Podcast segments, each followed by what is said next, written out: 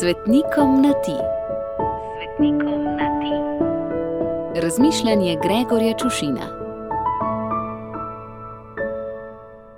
Ljubi moj sveti Dominik.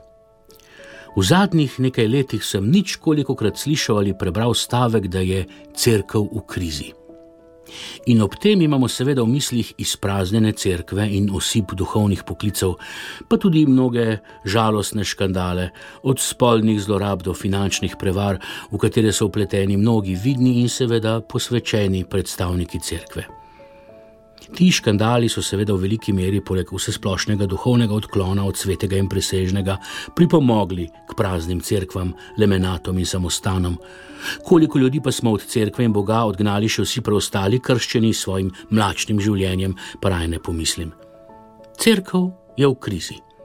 In nekaj se bo moralo zgoditi, in Bog ne čaka križem rok, ter pošilja svoje preroke, ki z jasno besedo in življenjskim zgledom oznanjajo pravo in živo vero, veselo oznanilo in dramijo srca k sprobrnjenju. Koliko jih slišimo in koliko jih poslušamo, pa je že drugo vprašanje. Cerkev je v krizi. Pa vendar očitno še ni tako hudo, kot je nekoč že bilo.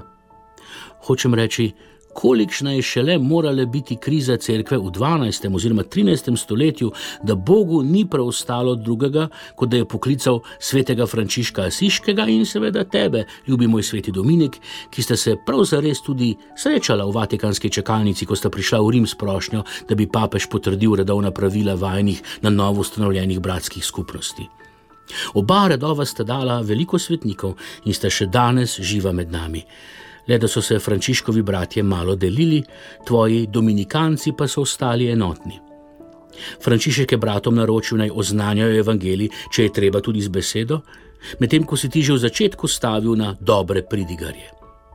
Frančišek je bojda postavil prve jaslice, tebi, ljubi sveti Dominik, pa pripisujejo rožni venec, pa ne bo čisto držalo, kaj ne, čeprav si ga rad molil in se je prav po zaslugi dominikancev ta molitev tako razširila in priljubila tako pri Bogu kot pri ljudeh.